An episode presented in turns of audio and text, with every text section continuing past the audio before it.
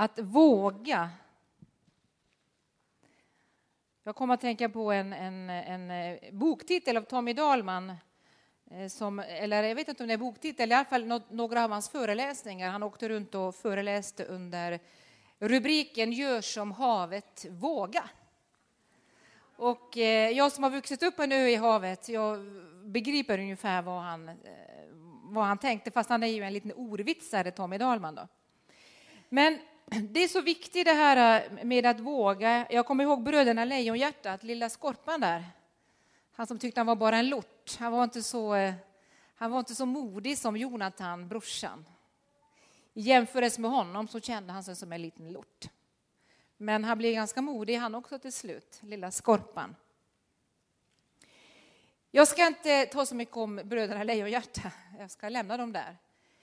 Men eh, jag har tänkt själv vad mycket jag själv har missat för att jag inte vågade. Och jag berättade lite här innan Sandra sjöng om min egen uppväxt och vad brist på uppmuntran kan göra i en människas liv. Som till exempel när jag gick i skolan så skulle du aldrig få mig till exempel offentlig att stå framför min klass och redogöra för någonting. Aldrig. Skulle det spelas en pjäs, jag skulle önska att jag kunde få vara med. Jag, jag, för egentligen tyckte jag om att skriva dikter, jag tyckte om att skriva överhuvudtaget, det gör jag fortfarande. Eh, jag tyckte om att sjunga och jag, jag, jag, tyckte om mycket, men nej, aldrig. För att, tänk om jag misslyckades då och tänk om någon skulle skratta till mig. Och, och, och mycket sånt, sånt, sånt, här och jag kanske inte kunde klara av det och sånt här. Då. Och jag vet en gång, jag, jag växte upp med den här generationen. Jag var den sista i Norge som gick på realskolan. Är någon här som har gått på realskola? Åh, oh, det är flera stycken i min ålder, vad härligt. Underbart. Och jag var den sista hemma i Norge då. Och då var det så här att eh, om man, om man inte hade betyg nog att komma in på realskolan, för realskolan var ju betydligt jobbigare än, än att sega igenom på högstadiet eller, eller på gymnasiet också för den sakens skull. Alltså, det, det här var en tuff utbildning, det vet alla vi som gick där. Sen tog man ju bort de här utbildningarna och gjorde om det så att alla skulle kunna få en chans att utbilda sig. Eh, men i alla fall då, så, så, eh, kom man inte in där så kunde man få gå på en lite lättare linje några år och sen kanske eventuellt komma in på realskolan. Eh, men jag hade betygen att komma in där och så råkade jag då och gå förbi dörren en gång när min fasta pratade med min pappa och min fasta hon var högstadielärare. Eh, eh, nu, så, så, man känner till det nu, där, men på den tiden kallades det någonting annat. Men det var, eh, glöm det. det var, poängen är denna, att jag hörde vad hon sa. Att jag hörde att hon sa så här till pappa, ja men ska ni verkligen tillåta Rigmor att börja på realskolan? Det, det, är ganska tufft det. Och hon är ju så klen, hon är ju så svag. Tror du verkligen hon klarar Är hon mogen för detta? Hon visste inte att jag hörde, men jag hörde. Och det där följde mig hela realskolan. Nej, jag klarar mig inte att klara av detta. Inför varje prov hade jag ju ångest. Och det gjorde att inför varje prov blev jag sjuk. Jag, har inte, alltså, jag, jag, kommer inte ihåg en enda tenta genom de här grundskolåren att jag, och de här åren att, att jag var på någon tenta. Det står bara i mina slutbetyg att eleven sjuk på provet och därför så fick jag det här äh, genom, äh, vad heter det, medelbetyget då från hela läsåret. För jag var aldrig där. Det var sen jag blev frälst, när jag började vidareutbilda mig, det var då jag börja klara av att vara med på proven. Men jag, jag fixar inte det. För jag kommer inte att klara det. Det hade jag med mig redan, att det fixar inte hon, för hon är för klen. Hon är för ung. Hon är... Och den här fastan, ska ni veta, älskar jag. Men jag var tvungen att prata med henne om det för många, många år sedan. Men det, det, det, det är min favoritfasta, det är våra barns gammal favoritfasta. Hon, lever, hon är snart nu 90 år och hon, hon lever med och har hälsan och förståndet och allt möjligt. Och, och hon är bedjare och en gudskvinna. Men, men alltså, hur, hur ord kan sätta sig fast i en människas själ. Jag tror det var Thomas Sjödin som citerade någon en gång, att ord, säger han, kan ju faktiskt vara som en tatuering i själen. Alltså ord är på gott och ont. Ett ord kan bli det där ordet som, åh jag fick ett ord nu vet. Åh, jag fick ett ord! Och det där ordet, alltså det, var, det, var, alltså det var som balsam och läkedom för min själ och jag bara visste yes, på det här ordet så går jag, för det här kan jag. Men det kan också bli tvärtom. Det där ordet som skälper dig totalt och hela din framtid liksom läggs i grus av det där ordet. Så därför så är det kanske med all grund och orsak att Bibeln säger så här att vi ska vara lite rädda om orden. Bibeln uppmuntrar oss att inte vara eh, för snabba med orden. att liksom veta vad de betyder, för det kan göra så mycket i en människas liv.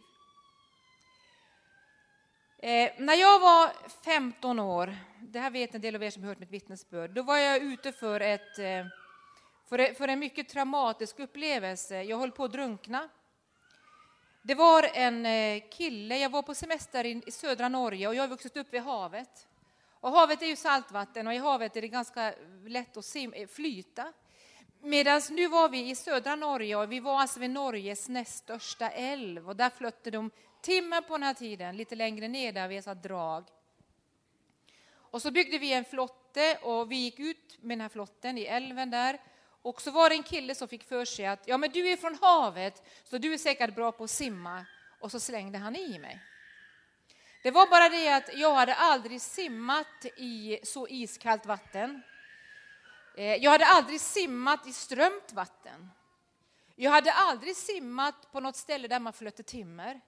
Och jag hade inte simmat i jeans Och när jag då börjar att dras mot botten av virvlar och strömmar och börjar förstå att jag fixar inte detta, eh, då har jag bara sådana här eh, små fragment av det traumat jag gick igenom när krampen satte sig i mina axlar och jag kunde inte simma.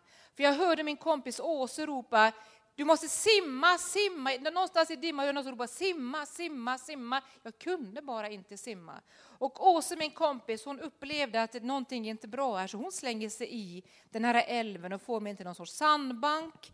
Och eh, hur jag tog mig till lands, jag har för mig att de kom ut med någon båt, men jag ska inte säga säkert. Eller om det var flera män, för jag minns någon bild av att det var flera män som också var involverade där. Så om de kom ut, det minns jag inte. Och så alla folk på stranden, och så kom jag in till strandkanten, och så kom det över mig så skam. Det är en skamkänsla att jag fixade inte ens att simma. Och jag ville bara därifrån och jag bara varmar, ropade och skrek att jag har lurat er alla. Någon vill ringa på ambulans. Låt mig vara med att jag skrek och jag bara for därifrån.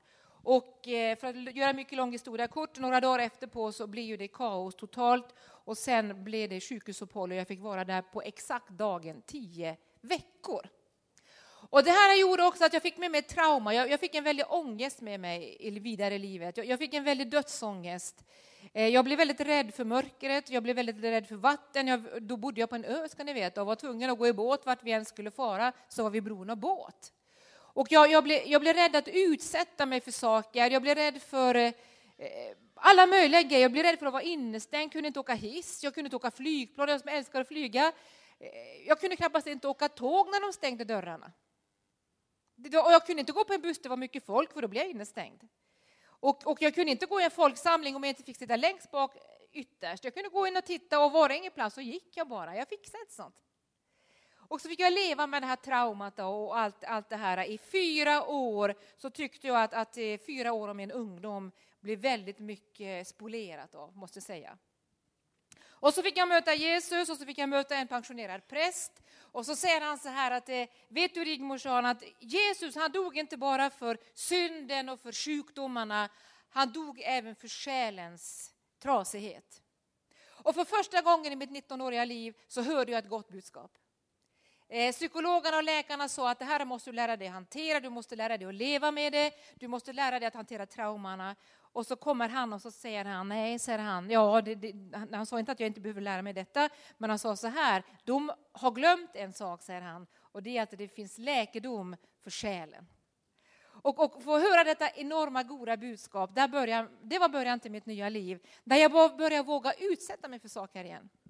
Jag börjar bada igen. Jag börjar doppa huvudet lite under vatten. Mina barn sitter ju här nu och jag, eh, två av dem, en av dem i alla fall.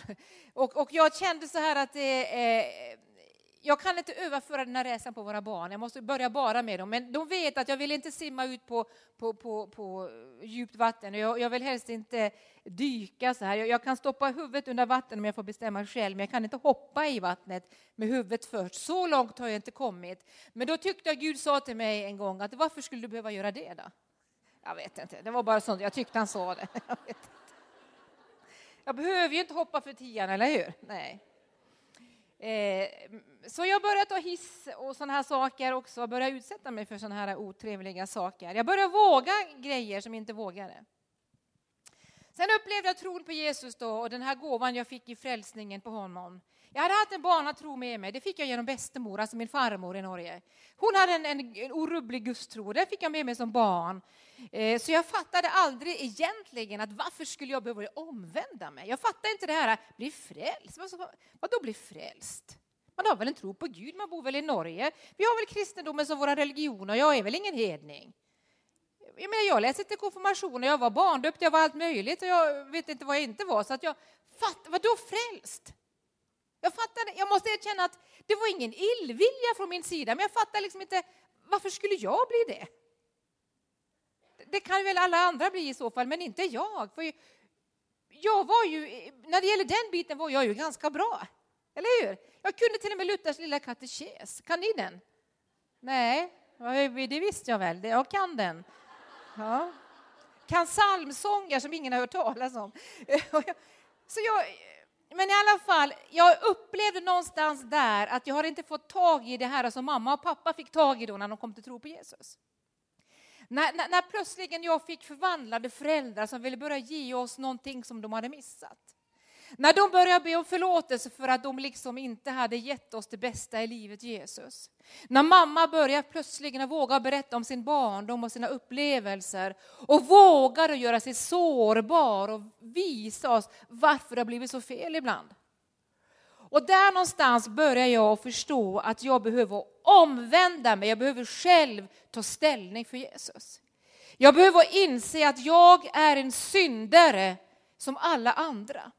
Och jag upptäckte att det mest rättvisa i hela världen, det är frälsningen. För Bibeln säger att alla har syndat.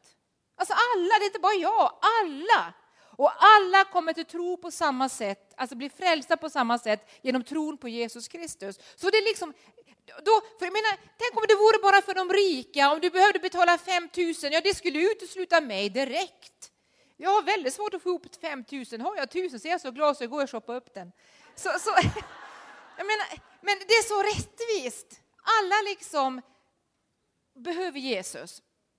Och så såg jag det och så kommer jag så väl ihåg den här kvällen när jag vågade och erkänna att mitt liv räcker inte.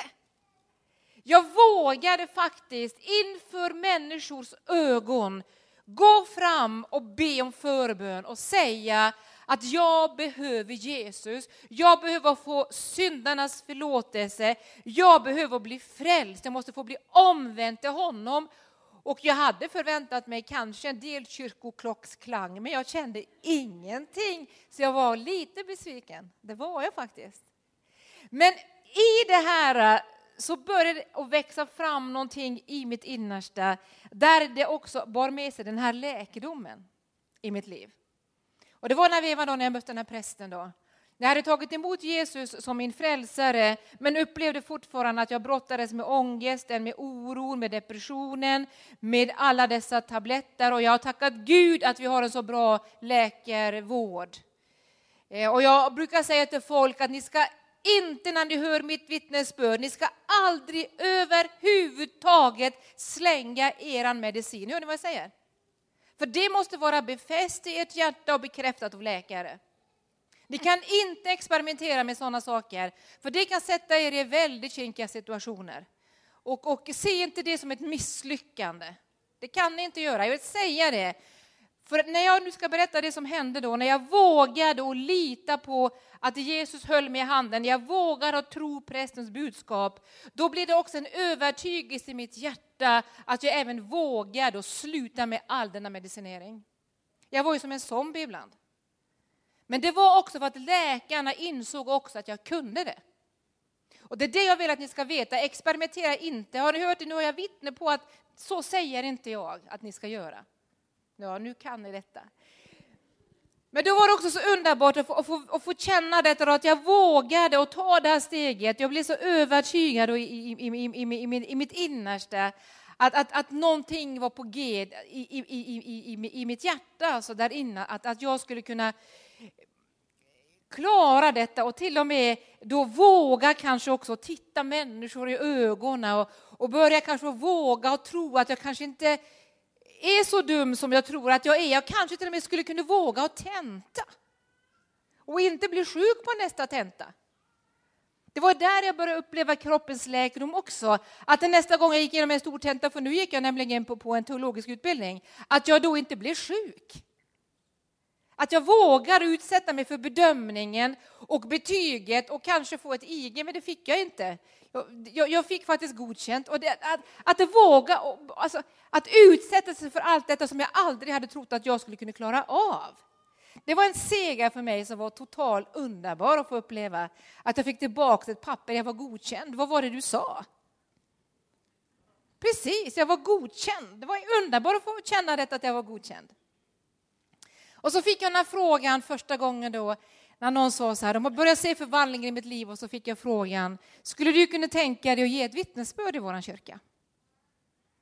Stå framför folk, alltså jag har ju aldrig tränat på detta. Och då fick jag göra det och upplevde att jag trivdes så otroligt bra. Och mitt första vittnesbörd var utifrån Johannes första brev. Om ditt hjärta fördömer dig är Gud större än ditt hjärta. Han vet allt och han dömer ingen. Det var mitt första vittnesbörd. Då fick jag sådana sån feedback. Då, då, då, kom de runt mig. Åh, åh, åh, vilken gåva du har! Och vi förstod precis vad du menade. Och istället för att jag skulle bli jätteuppmuntrad så tyckte jag det var förskräckligt. Jag tyckte det var hemskt. Jag har ju inte fått så mycket uppmuntran någon gång. Så då var tvungen att, alltså jag blev som en sån här du vet, som man smugglar undan bakvägen. Och när Elvis Presley hade konsertarbete så fick man... Jag sa ta mig härifrån. Jag måste komma ut. Jag fick ångest. Då fick jag ångest. Jag måste bort härifrån. Ut, bort. Jag ska aldrig mera säga en sak för jag fixar inte det där. Och det var också en grej som jag fick träna mig till att säga, är det sant? Men tack så jättemycket, nu blir jag glad. Det tog mig åratal att kunna säga det. Ja, det där var väl inget. Nej, men du, menar du verkligen det? Nej. Ja, men så bra var jag ändå inte. Alltså, jag kunde, inte, jag kunde inte ta emot ett komplimang. Om folk sa att jag var snygg, det sa de någon gång faktiskt. Då kunde, jag kunde inte ta det. Nej, men jag, kunde, jag kunde inte bara säga tack. Det liksom var med, vad dum du är. Då. Alltså, jag, jag, jag hade så svårt att tro på det. Jag trodde liksom så här att, att de, när de sa så, så trodde jag att nu vill de kontrollera mig, hjälpa mig eller driva med mig. Fattar ni vad snett det kan bli?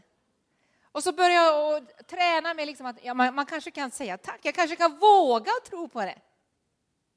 Och så fick jag börja den här träningsprocessen att våga tro på det.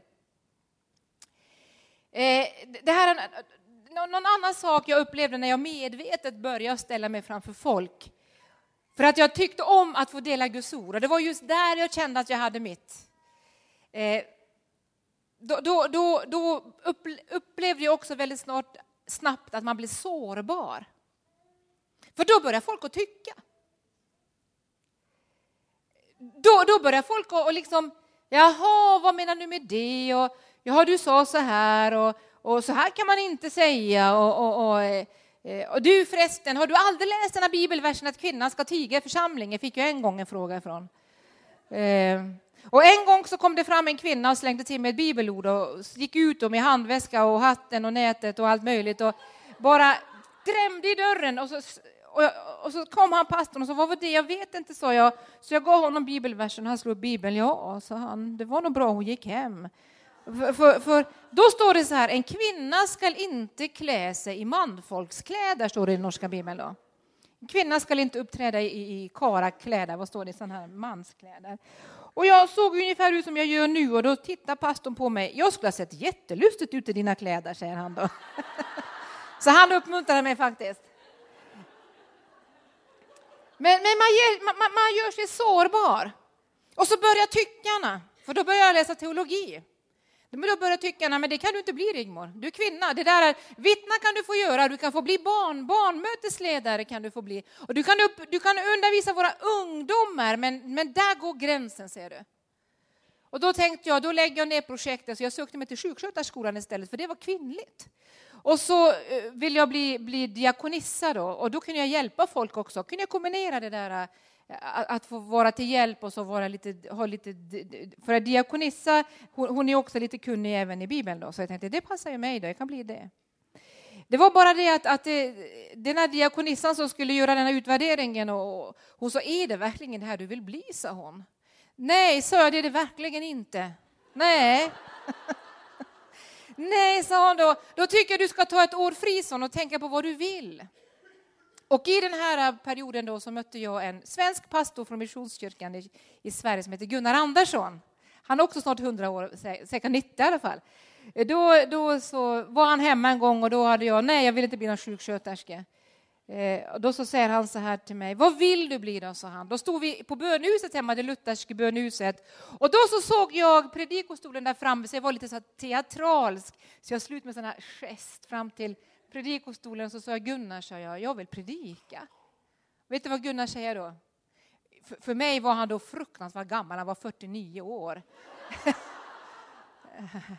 han var alltså nio år yngre än vad jag är nu.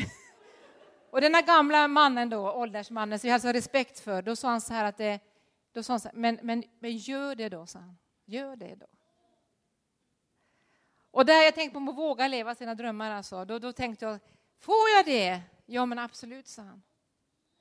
Predika, sa han. Och då började jag läsa ytterligare tre år, så jag, så jag har läst totalt fyra och ett halvt år inom olika teologiska skolor. Och då det märkliga var det att det, då ville jag egentligen inte läsa för att bli någonting liksom profet, pastor, apostel, lärare. Alltså, jag, ville, jag ville läsa för att jag ville veta vad säger Bibeln? Så jag var väldigt noga med vilka skolor jag gick på. De måste tro på Bibeln som Guds ord. Jag ville bara lära mig, vad, vad säger Bibeln egentligen? Kan jag som kvinna få undervisa? Och jag kom fram till att ja, men det kan jag. Se bara till att det du, det du säger är värt att lyssna på. Och där kan jag väl säga att jag har brustit många gånger. Men eh, jag förstår ju Joyce Meyer när hon skriver boken Jag och min stora trut. Ja, det måste jag ju säga då. Men eh, mitt i detta så jag, så jag ändå känt Guds välbehag i mitt liv när jag tog det här steget. Då. Och så mötte jag Thomas. Så, som, då, då, hade jag upplevt detta då att, att, att det, vad jag skulle vilja göra och inte göra. Jag, jag ville på något vis, vad jag än skulle bli eller inte bli, så ville jag berätta för andra om Jesus. För där såg jag mammas förvandling, där såg jag pappas förvandling, där såg jag människors förvandling i min närmiljö och då såg jag att människor i alla samhällsskick mår bra av att få en personlig relation med Jesus. Så det ville jag, där ville jag vara. Jag kunde gärna vara Guds lilla piga, hans, hans tjänsteflicka och, eh, eller hans drottning. Han, han fick välja. Liksom. Det, det, det, alltså jag, jag, bara visste att jag, jag, ville berätta om Jesus. Det var egentligen det jag visste. Och jag, jag som hade varit så blyg, jag som aldrig kunde säga någonting. Alltså sen, jag, sen jag upplevde Jesus och blev andedöpt, jag har aldrig varit tyst sen den gången. Jag, jag, jag tränar på att vara tyst ibland. För jag kan gå flera dagar hemma hos mig själv och inte lyssna varken på radio eller se på tv. Den tystnaden har jag inga problem med. Men, men, men, ibland måste jag träna på att vara tyst när jag pratar med andra människor och låta dem också åtminstone kunna få andas innan. Jag, jag tror att jag brukar berätta ibland när jag var och undervisade pastorer eh, på Västgötafältet och så skulle jag undervisa i försoningen och delade upp det i två olika pass och så sa jag så här att det här är mitt favoritämne och nu kan det gå väldigt fort. Men blir det för fort, sa jag, så gör ni bara så så ska jag lugna ner mig. Och så emellan de här två rasten, eller två eh, sektionerna så kom en pastor och så sa han kan du äta med mig, sa han, för det var, jag ville anteckna något, men det gick lite fort så jag missade det, sa han då. Ja, men sa jag, varför, varför räckte du inte upp handen då? Då så sa han så här att det, jag hann inte. Så eh, det är någonting jag får träna på faktiskt. Men jag vill också säga till oss att våga att använda din gåva även du genom det gör dig väldigt sårbar. För du gör dig sårbar när du använder din gåva. Just det att folk ska tycka om dig plötsligen. De ska ha åsikter om dig och de ska bedöma dig. Men våga att använda din gåva ändå. Omge dig gärna med rådgivare. Omge dig med några du har förtroende för. Berätta inte om dina visioner hur snabbt som helst, inte för vem som helst. Var lite försiktigt.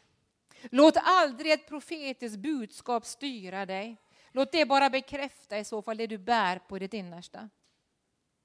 Men att använda sin gåva gör också detta att en del kan se på dig som någon sorts allmän egendom. Och där de liksom då har tillåtits att bara ösa över dig allt möjligt. Och därför så måste du också ibland be till Gud om en hård panna när du använder din gåva. Låt inte missmoda andras tyckande hindra dig att använda det Gud har gett dig. Eh, men be också om att, om att du, du kan liksom eh, gallrar. Ibland så säger man att vi, vi, vi silar mygg och sväljer kameler. Och det där är ju väldigt jobbigt. Har du svalt någon kamel, en gång, kamel någon gång så är det väldigt, väldigt jobbigt faktiskt. Eh, man får i så fall ja, hacka ner honom ganska ordentligt först. För det går inte annars. Men den här bilden använder Jesus. Och, och det, det, är ju så här ibland, du måste lära dig detta.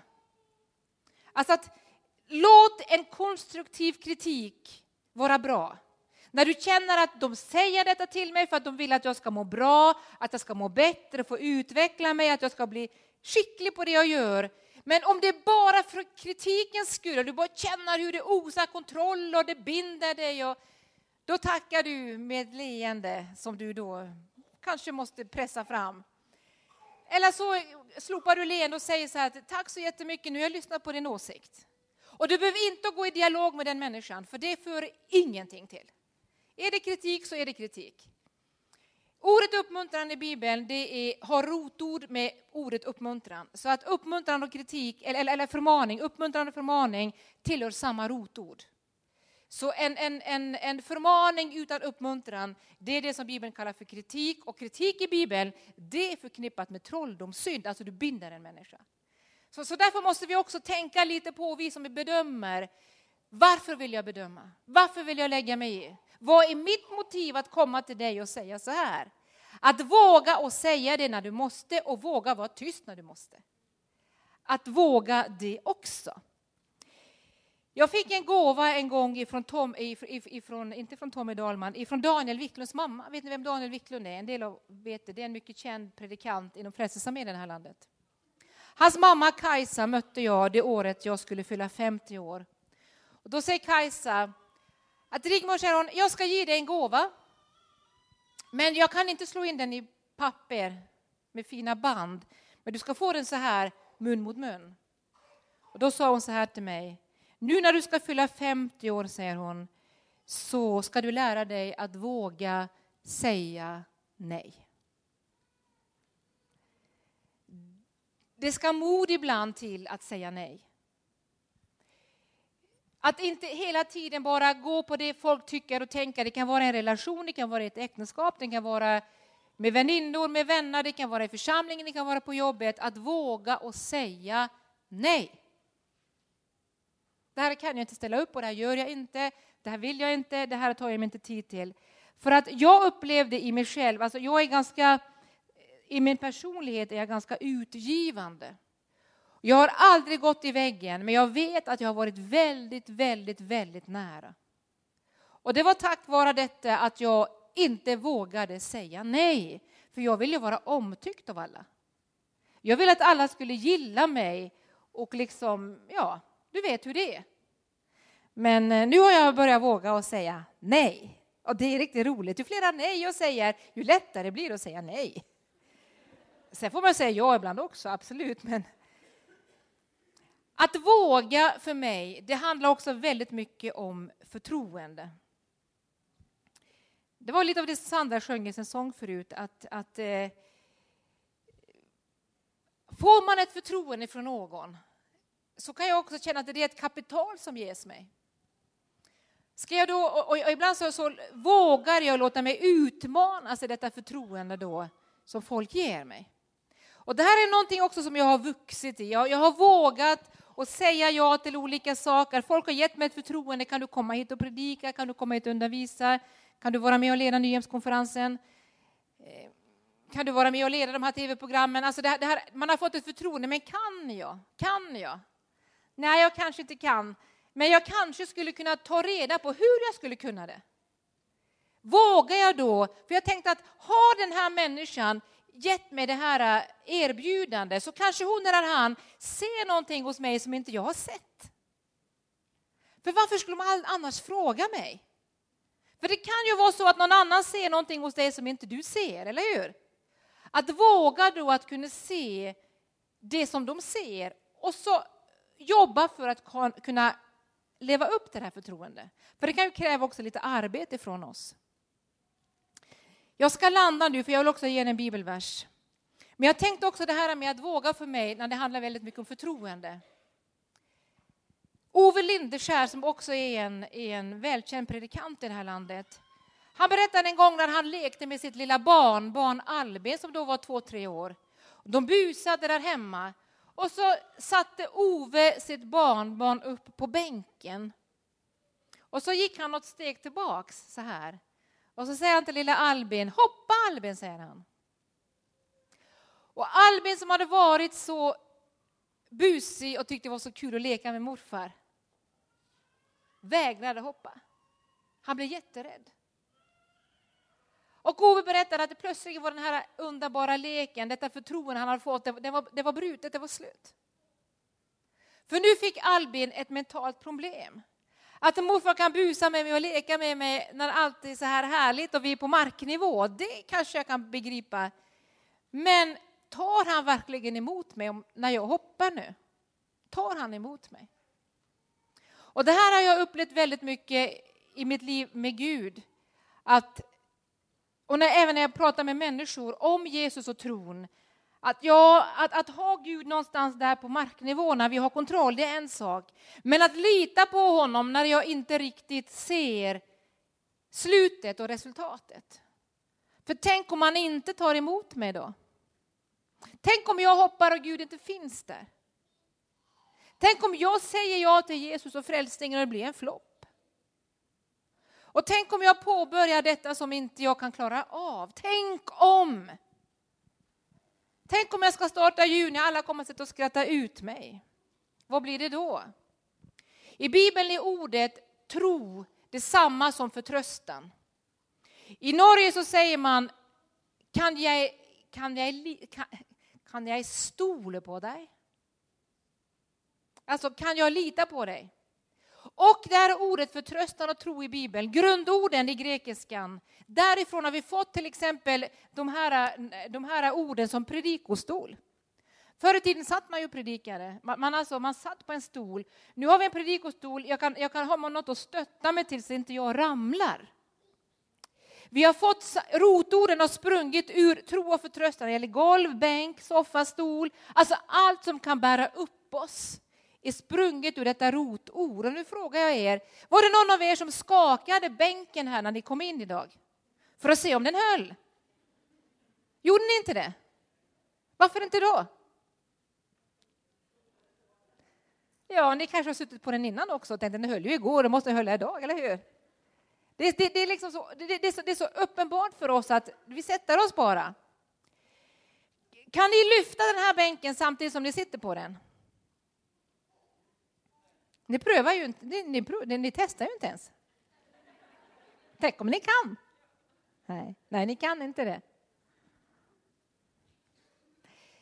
Ibland upplever jag oss att när det gäller det här med tro och våga så, så, så märker jag ibland att, att vi, det är någonting som vi tror att vissa går runt och bära på. Alltså, istället för, för att den här bänken ska bära oss. Visst, visst, skulle det se ganska intressant ut om ni fem som sitter på första bänken, nu spottar jag också Vicky. Ja, ta emot, ta emot, ta emot. ta emot. Tänk om de här fem skulle ställa sig upp här och stå hela dagen, eller stå här med den här bänken över huvudet. Skulle inte ni tycka att de, var, de kanske skulle behöva lite terapi åtminstone, lite samtalshjälp, eller? Och vi kanske skulle förklara för dem att det är så att den här bänken, den är inte till att stå och hålla över huvudet, den är att sitta på. Eller hur? Men tror ni ibland Istället för att vi, att, att vi fattar att tron är någonting som ska bära mig. Alltså, jag får liksom hänga på tron. Så tror jag ibland att nej, men den måste jag gå och bära på. Det är ytterligare en börda som jag ska ha i livet utöver allt det där andra jag bär. Så ska jag vara lite småreligiös också. Istället för det tvärtom. När du och jag har funnit tron genom Jesus Kristus så har vi fått någonting att ställa våra fötter på, någonting att som sagt, sätta vår rumpa på, någonting att lägga oss på, någonting som vi kan få vila i så länge vi lever. Och jag ska säga dig att den största utmaningen du har i ditt liv, det är att säga ja till Jesus Kristus som din personliga frälsare. Allt det där andra du ska göra i livet är småpotatis emot detta enorma beslut. Att våga. Tänk om man inte tar emot mig då? Ja, du får väl testa. Du vet ju inte innan du hoppar. Eller hur? I Höga visan, det här, det här tror jag är profetiskt till någon. Jag tror det är någon som ska ha det här. Jag ska sluta med det. Höga visan kapitel 2. Det här är ju en fantastisk kärleksdialog mellan bruden och brudgummen. Och så säger då brudgummen till sin brud. Och vi vet att från början är ju detta skrivet som en riktig kärleksvisa. Av en, ja, från en brudgum till hans blivande brud. Sen har man sett det som en liten bild på Israel och församlingen, eller på Israel och Gud och sen på församlingen och Jesus. Och den är ju väldigt rik, men jag tror också du kan se det som någonting till dig. Och vi ska sluta här nu innan Sandra får sjunga en sång till. Och sen blir det lovsång och förbön. Och du som vill får gå hem sen. Men det står så här, du min duva i bergsklyftan, i klippväggens gömsle. Nej, just det, jag ska börja i vers 10. Eh, min vän, nu är det bruden som anför brudgummens ord, så står det så här. Min vän börjar tala, han säger till mig. Stå upp min älskade, min sköna och kom. Stå upp min älskade. Alltså en aktiv handling, stå upp kom. Och han använder inte de här hårda orden. Han säger bara du min sköna, säger han, du min älskade. Jag älskar dig. Om du sitter kvar eller inte så älskar Gud dig precis lika mycket. Men han säger så här att det, han vill liksom genom kärleken där bara säga till dig kom min älskade, kom. Så säger han, se, säger han, se, alltså se nu. Vintern är förliden, regntiden är över, den är förbi. Och jag tror att detta kan vara lite profetiskt, som ett litet tilltal in i dig som har upplevt den här, den här perioden i ditt innersta. Den här regntiden, denna, denna vinterkyla. Och du bara undrar, kommer jag någon gång att bli glad igen? Jag tror det är ett ord till dig att nu är, nu är sångens tid inne. Blommorna visar sig på marken. Sångens tid har kommit. Turturduvans röst hörs åter i vårt land. Fikonträdets gröna frukter skiftar färg. Vinstockarna står redan i blom, de sprider sin doft. Stå upp min vän, min sköna och kom. Kom. Och jag kände det så starkt igår när jag satt. Det är så att jag har en bönestol hemma. Jag fick ärva min bästemors gungstol. Den har jag hemma och den, den påminner mig om att så som stolen bär mig så bär tron mig.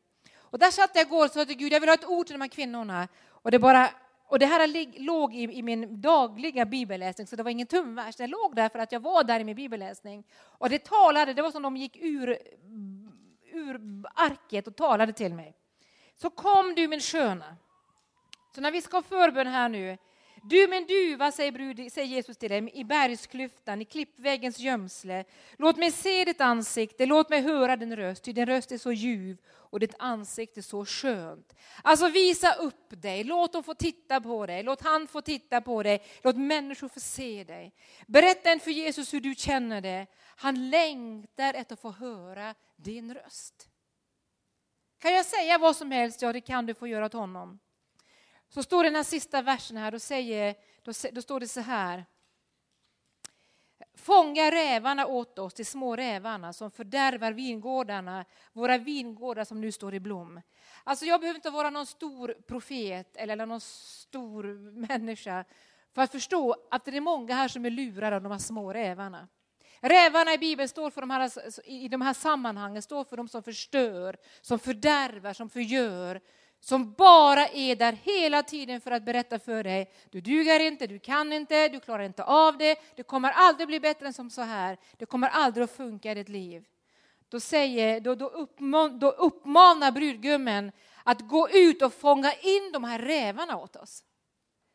Alltså låt dig nu inte mera infångas av allt detta. Jag kan inte, jag vågar inte, jag vill inte. Det gäller inte mig. Du är inte så exklusiv att det inte gäller även dig. Det gäller även dig. Du är välkommen till Jesus. Sandra, du kan, du kan börja och ta din plats där.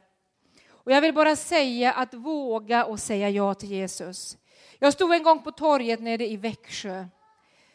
Och vi hade massa människor runt omkring oss och det var det några människor som, som stod och ropade att det, eh, ja, jag vill inte säga vad de ropade, för sådana fula ord vill man inte säga i kyrkan och ingen annanstans heller för den sakens skull. Men det handlar i alla fall om att vi var hjärntvättade, att vi var urblåsta, att vi, att vi skulle gå därifrån och att, att han minsann ville ha sin frihet och absolut inte höra på sån nonsens som vi stod där och pratade om.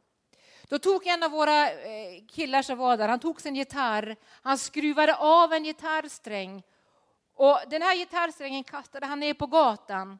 Och den här gitarrsträngen är bara liksom skruvar ihop sig och så frågade han, är den här strängen fri, säger han då.